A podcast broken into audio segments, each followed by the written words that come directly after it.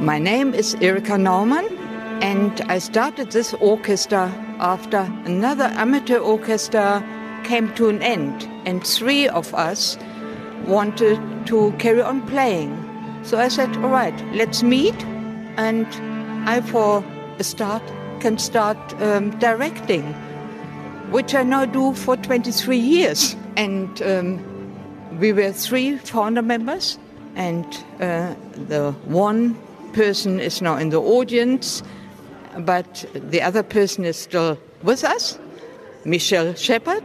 And yeah, we go from strength to strength. We have got lovely people amongst our group, and they're all working people. And we meet once a week on a Monday evening, and we decided now on three concerts a year. And the next one is coming up this coming Sunday at six o'clock at St. Martini Church.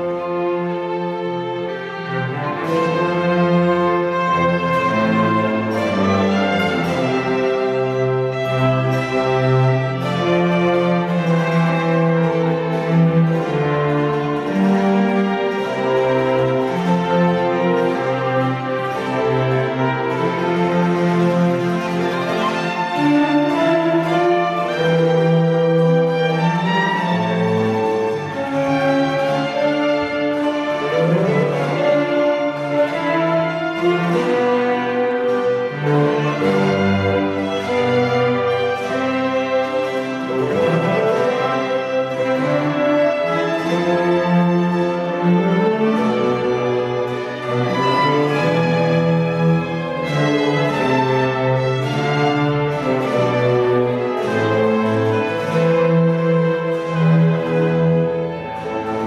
They come from all walks of life. There are students, medical students, or just qualified medical people. There are uh, oral hygienists, or teachers, or retired people.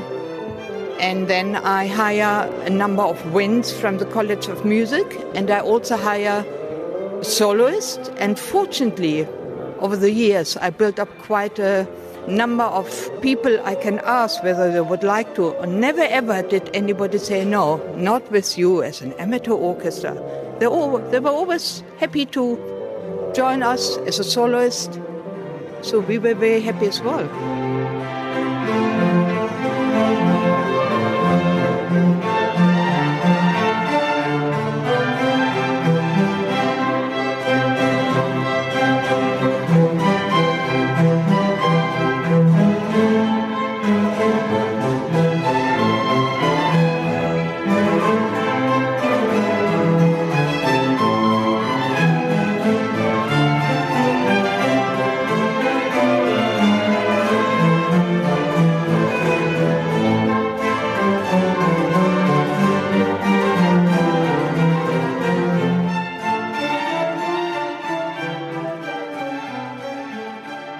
Ek gesels met Erik Dippenaar. Erik, wat gaan julle Sondag uitvoer?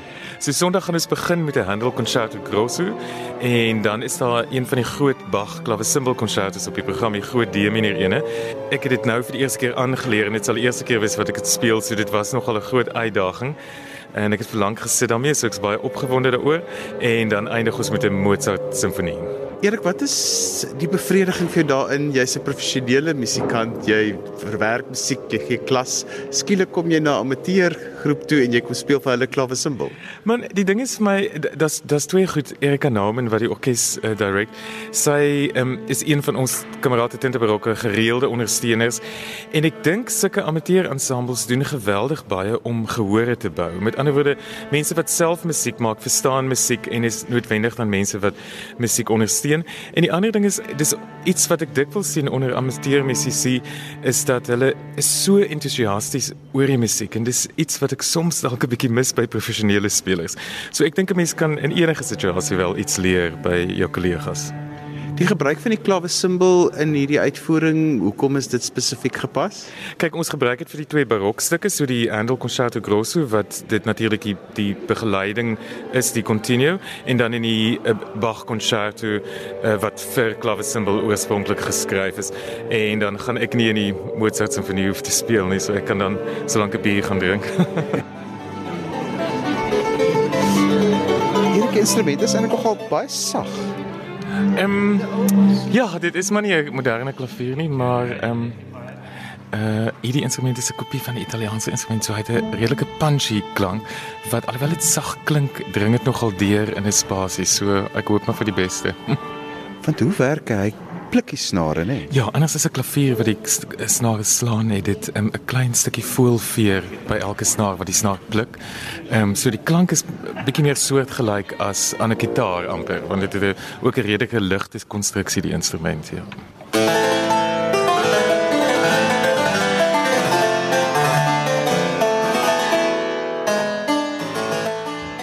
My naam is Jaco de Kok en ek is een van die cello spelers in die uh, strykorkes.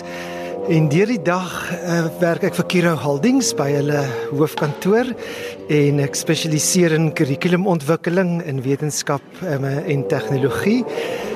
En dis wonderlik om 'n stoppertjie te hê waar jy die liefde vir uh, musiek kan beoefen dit hou mense aan die gang om te oefen en dan is mens deel van 'n wonderlike groep mense wat dan so 'n wonderlike geleentheid het so Sondag om 'n uh, uitvoering te doen en dan spesiale musiek op uh, aan die mense van Kaapstad te bring. En omdat ons almal amateurs is, is speel mens eintlik heerlik spanningloos in so 'n orkes en die vreugde van die musiek maak is regtig voorop en is vir ons regtig baie groot voorreg om hier te kan wees.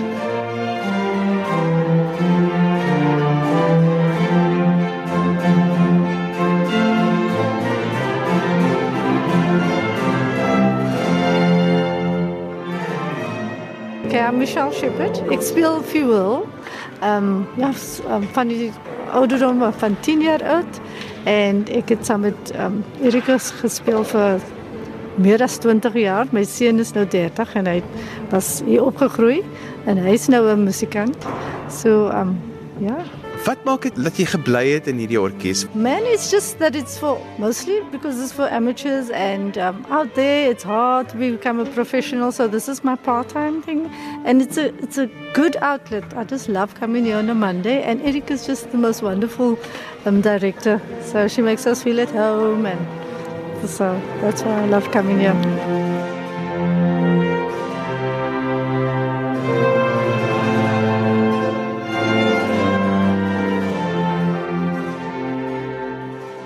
Louis Kriel en ek speel tweede viool. Ehm um, ek speel amper 20 jaar in die orkes en ek geniet dit geweldig want dit is my een aand wat ek iets kreatief kan doen ehm um, by te werk en dis heerlik om saam met 'n klomp mense wat lief is om musiek te maak, ehm um, musiek te maak. So wat doen jy deur die dag? Ek is uitgewer by Oxford University Press van skoolhandboeke. Vertel 'n bietjie my van die program wat jy dit gaan uitvoer, hoe jy dit ervaar. Vanaand is barokkonsert, uh, die, die vir ons volgende konsert, se barokkonsert waarvoor ons nou oefen. En ehm um, dis eintlik interessant dat ons dit nou 'n regte klawe simbol vanaand. Ehm um, jy weet wat eintlik ongewoon is en in die verlede het ons 'n klomp klassiek gedoen en nou is dit interessant om weer 'n soort van 'n sterk barokkonsert te hê vir die aand.